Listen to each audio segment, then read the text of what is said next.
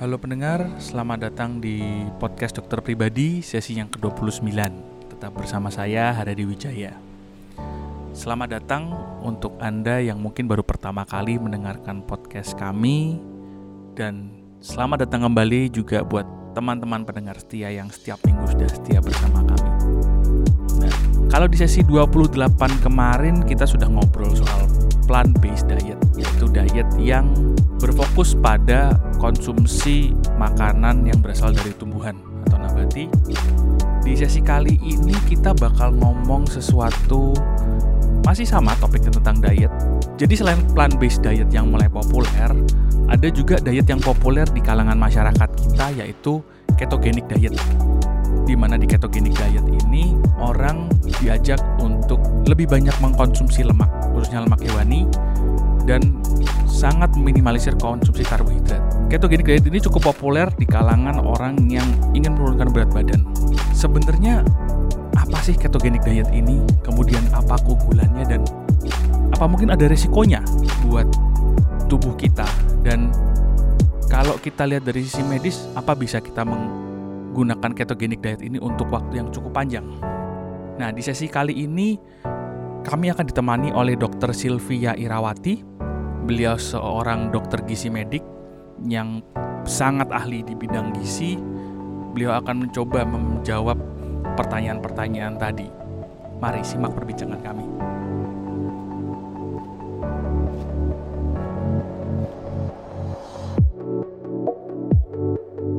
Halo Dokter Sylvia. Halo, Bagaimana kabarnya ini? Kabar baik. Bagaimana kabarnya? Baik sekali kita di podcast dokter pribadi. Terima kasih banyak dok sudah meluangkan waktunya ini untuk ngobrol-ngobrol dengan kita. Iya, terima kasih juga saya sudah bisa terlibat di podcast dari dokter pribadi. Kita nih lagi dalam rangkaian bahas topik-topik soal diet dok. Oke, Eh, di episode yang kemarin, di sesi yang kemarin kita udah sempat ngobrol soal plant-based diet. Nah, ketika kita ngobrol soal plant-based diet itu ada apa ya pembahasan lah yang misalnya membandingkan plant-based diet dengan salah satunya dengan keto diet dok. oke, heeh. sebenarnya ketika kita ngomong diet itu kan balik lagi pertanyaannya banyak orang itu kan diet yang terbaik itu diet yang kayak apalah sebenarnya. Iya. Nah, sebenarnya diet ini kan banyak macamnya kemudian. Nah sebenarnya salah satu yang lag- istilah yang in yang populer di Ya, kalangan bagi tren lagi ya. tren di kalangan masyarakat kita kan Heeh. keto diet inilah kita kita pengen Iya. tahu lebih lebih dalam nih sebenarnya keto diet itu apa sih dok? Oke, iya. Sebenarnya saya sendiri adalah praktisi plant-based diet dan certified plant-based nutrition. Untuk keto diet sendiri memang lagi tren dan eh, masih banyak orang-orang yang bingung dan pengen tahu lebih jauh tentang keto diet ini ya. Betul betul. Iya, jadi yang memang pas sekali untuk dibahas di topik gizi ini. Kemudian kalau sebenarnya dok, kalau kita ngomong balik lagi kita di dunia medis kan kita selalu ngomong definisi dulu nih dok. Iya. Sebenarnya definisi dari ketogenic diet itu apa sih dok? Jadi ketogenic diet ini adalah diet di mana asupan nutrisinya itu sebagian besar dari lemak, sedangkan karbohidratnya sangat rendah. Nah, biasanya yang disebut ketogenic diet ini adalah standar ketogenic diet di mana komposisi asupan makanannya ini 75% dari lemak, 20% protein, dan hanya 5% dari karbohidrat. Ini berbeda sekali dengan diet standar pada umumnya, di mana komposisi karbohidrat biasanya sekitar 45% sampai 50%. Oke oke. Jadi memang ketogenic diet inilah diet yang sangat rendah ya karbohidratnya kalau bisa dibilang cuma 5%. Iya, betul. Iya, karbohidratnya sebenarnya sangat gini, rendah. Kalau gitu lemak itu kan konotasinya padahal kan ya di balik lagi di masyarakat kita konotasinya lemak itu cenderung negatif kok. Istilahnya ada diet yang bahkan eh, menganjurkan konsumsi lemak dalam rasio yang cukup tinggi. Nah, ini sebenarnya kelebihannya, keunggulannya atau keuntungannya untuk tubuh kita apa, Dok, dengan diet ini? Uh, sebelum kita membahas mengenai keuntungan, kita perlu tahu dulu secara singkat metabolismenya seperti apa. Hmm.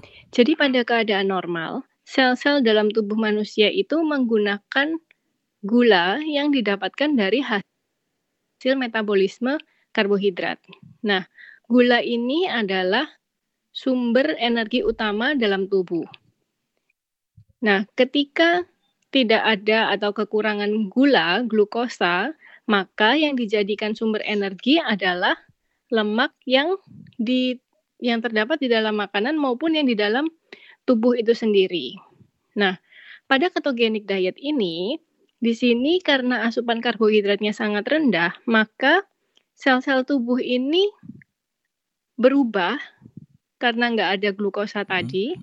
dia berubah mekanismenya jadi menggunakan lemak sebagai sumber energi utamanya. Hmm. Ya, ya. Nah, hasilnya adalah terjadinya pembakaran lemak tubuh yang lebih efisien karena digunakan sebagai sumber energi utama tadi. Oh, Oke. Okay. Okay. Nah, hasil hasil dari metabolisme itu menghasilkan zat yang disebut dengan keton. Oleh karena itu, diet ini disebut sebagai ketogenic diet. Oh, oke okay, oke okay, oke. Okay. Berarti istilahnya di sini kita kayak apa ya?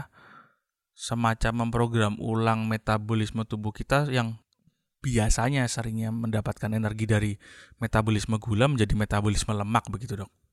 Iya, betul. Hmm. Jadi perubahan dari sumber energi itu dari karbohidrat menjadi lemak.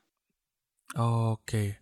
Memang secara medis nggak nggak ada masalah gitu dok kalau kalau kita dari apa namanya kita menjadi apa ya mendapatkan energi dari lemak lah mayoritas lemak kan berarti ini iya sebenarnya untuk ketogenic diet ini sendiri hasil penelitian ilmiahnya masih belum bisa disimpulkan dan penelitian-penelitian yang sudah dilakukan ini masih jangka pendek. Jadi kita belum bisa menyimpulkan apakah manfaat yang didapat ini hanya sementara atau jangka panjang. Apakah efek baiknya ini benar-benar bertahan lama untuk kesehatan secara keseluruhan atau malah hanya efek baiknya hanya sebentar tapi kemudian di kemudian hari terjadi banyak efek samping itu sampai saat ini kita belum bisa menyimpulkan sampai sejauh itu. Hmm, oke okay, oke. Okay. Berarti memang secara medis masih butuh penelitian lebih lanjut lah ya, berarti ya, Dok ya. Iya, betul. Perlu penelitian lebih lanjut. Tapi kan memang apa ya, balik lagi ketika kita ngomong keunggulan pertanyaan saya soal keunggulan tadi uh, banyak loh case-nya bahkan ada juga orang-orang di sekitar saya lah di kalangan keluarga juga yang mencoba ketogenic diet dan memang yang paling banyak mencoba mengaplikasikannya kan yang orang berusaha menurunkan berat badan dok. Iya. Yeah. Dan memang ada yang memang ada kayak tante saya tuh sampai turunnya lumayan sih belasan kilo bahkan itu. Itu memang keunggulannya memang sampai seperti itu ya dok ya. Ya, memang uh, ketogenic diet ini karena tadi dia membakar lemak lebih efisien, tentu untuk orang-orang dengan obesitas atau dengan berat badan berlebih yang perlu membakar lemak itu memang bisa menurunkan berat badan. Tapi ada satu penelitian yang menyebutkan bahwa penurunan berat badan ini sifatnya sementara. Dan karena ketogenic diet ini sangat restriktif, jadi asupan makanannya sangat terbatas, maka ditakutkan kalau nanti tidak dilakukan seterusnya terjadi yo-yo fenomena. Hmm. Jadi maksudnya berat badannya akan kembali lagi bahkan bisa lebih tinggi daripada sebelumnya. Hmm, ya, ya, ya, ya. Nah, yo-yo, yo-yo sendiri, yo-yo sendiri ini uh, efeknya besar karena fluktuasi dari berat badan ini bisa meningkatkan mortalitas atau kematian juga. Oh, oke. Karena meningkatkan berbagai resiko yang hubungannya dengan berat badan berarti? Iya. Berarti apa bisa dibilang berarti kalau gitu keto itu aman digunakan sampai fase tertentu mungkin mungkin buat orang yang memang kelebihan berat badannya lumayan misalnya obesitasnya uh, tingkat obesitasnya lumayan tinggi lemaknya cukup tinggi mungkin itu efektif tapi sampai level tertentu mungkin perlu dikaji ulang atau gimana gitu dok Iya, betul. Jadi memang keto ini bisa dilakukan untuk batasan tertentu. Biasanya tidak lebih dari enam bulan. Hmm. Nah, eee, kemudian kalau mau melakukan diet keto ini sendiri juga sebaiknya di bawah pengawasan dokter. Karena apabila, eee, diet keto ini dilakukan dalam tanda kutip dengan cara yang kurang tepat, produksi keton yang terlalu tinggi bisa juga mengakibatkan namanya kondisi ketoasidosis. Nah, kondisi ini berbahaya karena bisa menyebabkan koma dan kematian. Oke. Oke. Oke. Itu, eee, kalau mungkin boleh penjelasan singkatnya ketoasidosis sendiri itu kondisinya seperti apa, Dok? Ketoasidosis ini, eee, peningkatan keasaman darah, pH tubuhnya, eee, terlalu rendah sehingga mengganggu fungsi seluler di otak. Nah, sebenarnya gini, kemudian kaitannya dengan ketika kita ngomong diet, ya lagi-lagi di masyarakat kita ini, eee, ketogenic diet ini kan memang memang populer di kalangan orang yang, eee, butuh diet untuk menurunkan berat badan. Iya.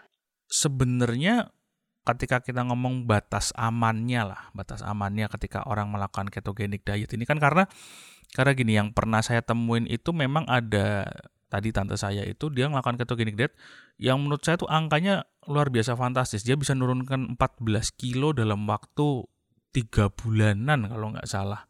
Wow. Ya saya ngomong, wah Wow. itu antara dietnya yang berhasil atau dulu uh, dari dulu dia overeating terus sekarang nggak overeating jadi turun. Pertanyaan saya kan itu sebenarnya lah. Iya. Kemudian tapi kan baik lagi mungkin banyak dari pendengar kita yang entah melakukan diet apa pun itu cuma mungkin fokus di keto diet ini itu melakukan murni karena anjuran dari internet atau mungkin baca buku. Nah sebenarnya kalau kita ngomong tolok ukur amannya itu berapa sih dok? Karena kan kalau orang diet ngelihat bisa angka segitu kan seneng banget ya dok ya. Iya, eee, jadi idealnya penurunan berat badan itu adalah 500 gram, setengah kilo, Hmm. per minggu. Per minggu. Per minggu. Jadi cuma setengah kilo per Per minggu. minggu. Kenapa? Iya, kenapa targetnya itu rendah?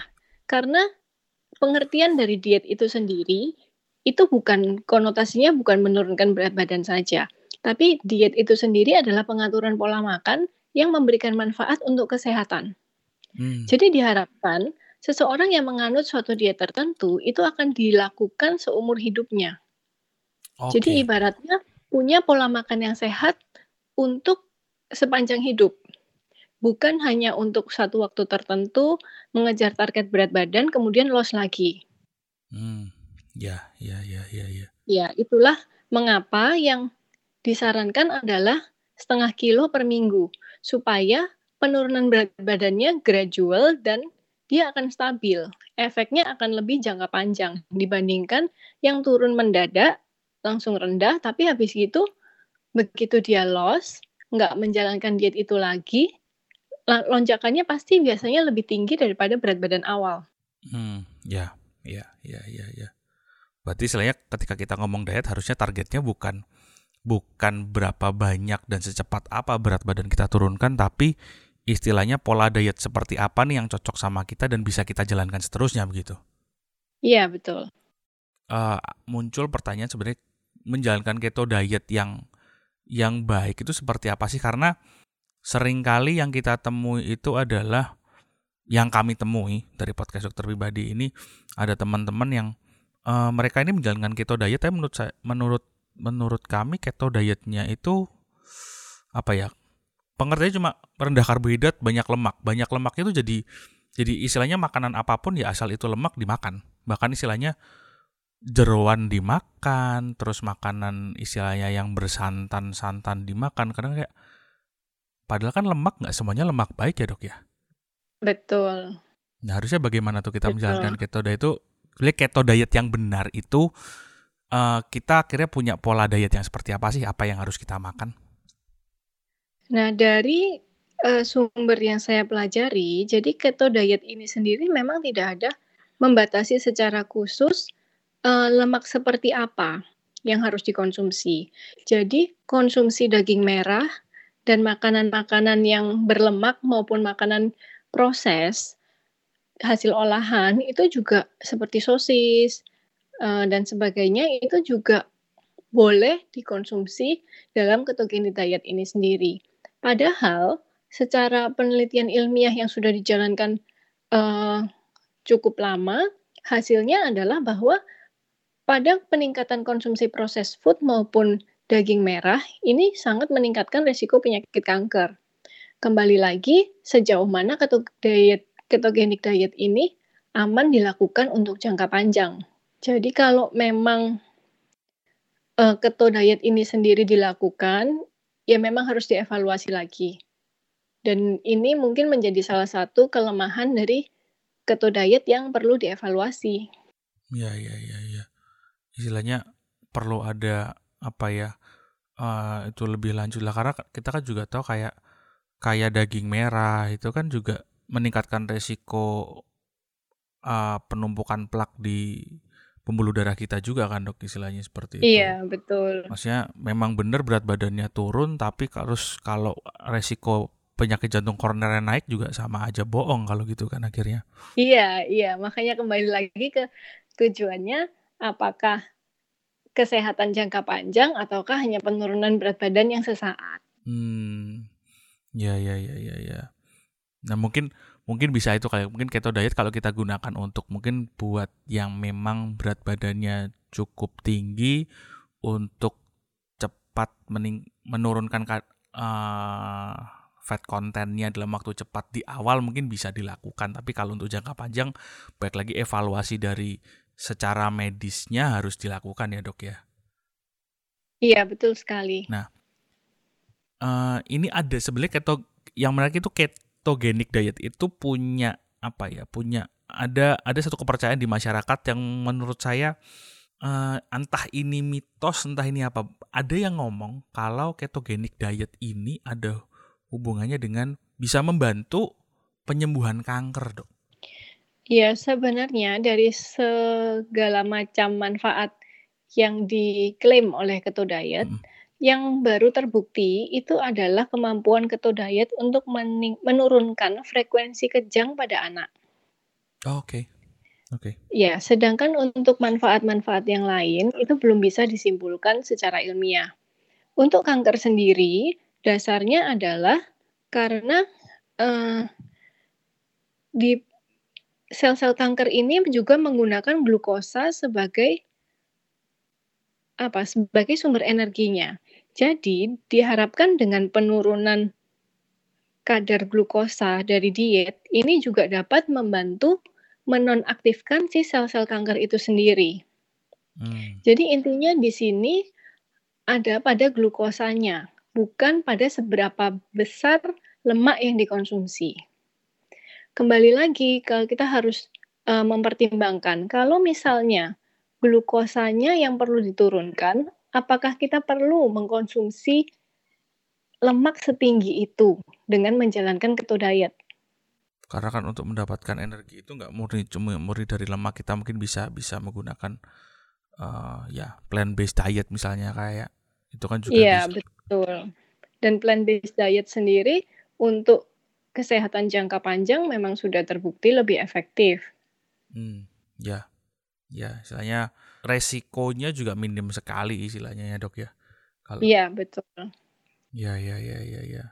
Nah mungkin apa namanya ada nggak tips buat apa ya tips buat pendengar kita bukan cuma ngomong soal keto diet sih akhirnya e, cara memilih diet yang yang tepat lah mungkin yang bagaimana sih kita bisa tahu oh diet ini tepat untuk kita apa enggak terus kemudian e, kalau kita mau ke profesional, misalnya ke dokter atau ke ahli gizi, apa yang perlu kita tanyakan, yang perlu kita cari tahu untuk bisa menentukan diet yang tepat buat kita?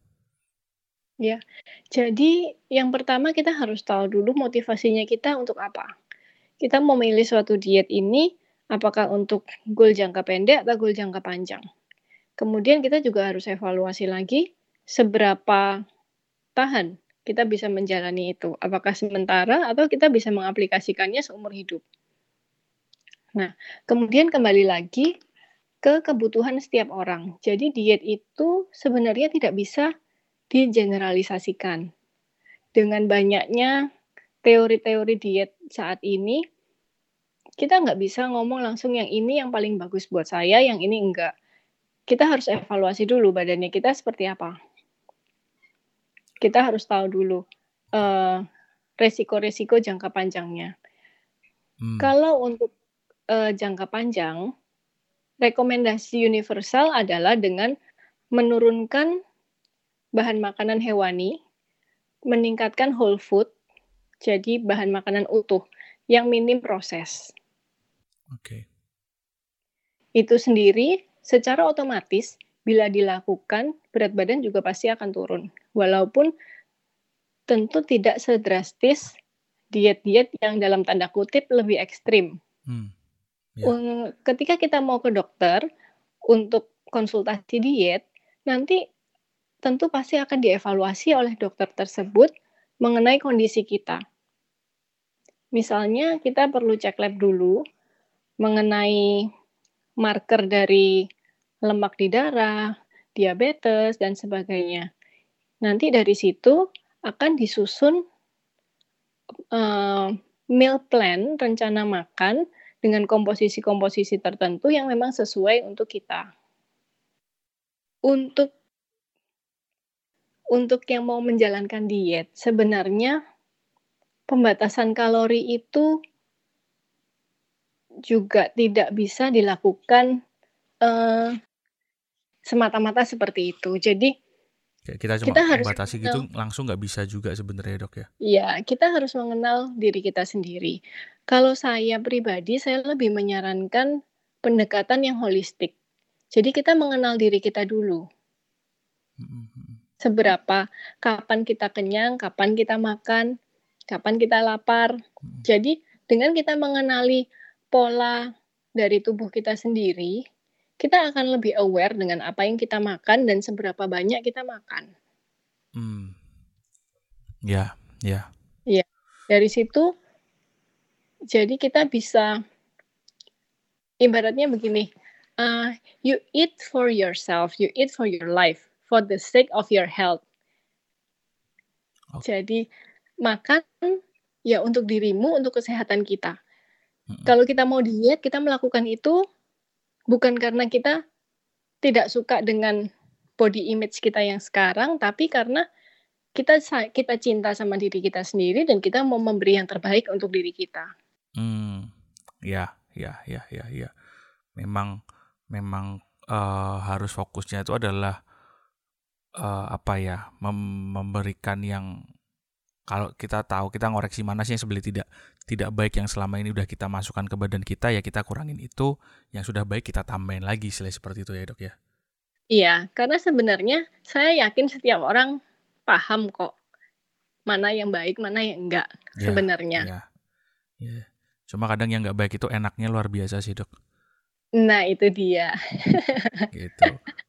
Terus kalau udah terlanjur, nah yang jadi masalah emang apalagi kalau kita ngomong diet itu kan yang paling sering kita temuin adalah kita tuh dengar omongan orang, dengar omongan saudara, oh saya pak saya pakai diet ini loh berhasil, atau saya pakai gini loh berhasil. Makanya kan padahal kan belum tentu juga apa yang istilahnya orang lain lakukan itu bisa punya efek yang sama atau bahkan mungkin efeknya bisa eh, bisa jadi malah buruk di tubuh kita kan juga bisa berarti ya dok ya. Iya betul. Ya. Karena memang harus individual sekali. Harus individual sekali dan dan mungkin memang apa ya? Mungkin kami dari podcast dokter pribadi juga menyarankan kalau mau diet tolong jangan cuma baca di internet kalau bisa pergi ke ahli gizi, pergi ke dokternya dulu deh paling enggak ya, Dok ya. Iya, betul. Bukan bukan ngomong apa-apa sih, saya jangan sampai cuma demi motivasi entah menurunkan berat badan atau untuk motivasi apa pun tuh malah nanti jangka panjangnya di kesehatan kita kurang baik sih. Iya, kalau masih baca-baca di internet, literatur masih oke, tapi kalau latah ikut-ikutan itu yang lebih bahaya lagi. Wah, itu betul betul betul. Dapat infonya cuma dari broadcast WA atau WA group terus langsung dipraktekin ya, Dok ya. Iya. Iya, iya, iya, ya. Oke, mungkin begitu Dokter Sylvia. Okay. Terima kasih kembali buat waktunya, buat sharingnya, buat teman-teman pendengar kita ini wah, supaya ya paling nggak biar apa ya kita semua lebih aware lah sebenarnya efek diet itu sama sama diri kita terutama ketogenic diet dok. Iya, terima kasih juga dokter pribadi. Semoga bisa lebih mengedukasi orang banyak lagi. Amin, terima kasih. Oke. Iya. Thank you dok, terima kasih. Iya baik, terima kasih. Untuk Anda yang ingin bertanya lebih lanjut mengenai topik sesi kali ini atau mengobrol dengan tim dokter di podcast dokter pribadi atau bahkan ingin menyampaikan saran mengenai topik-topik yang ingin dibahas di sesi-sesi selanjutnya, sapa kami di Instagram karena sekarang podcast dokter pribadi punya akun Instagram di @dokter.pribadi.official. Sekali lagi akun Instagram kami ada di @dokter.pribadi.official.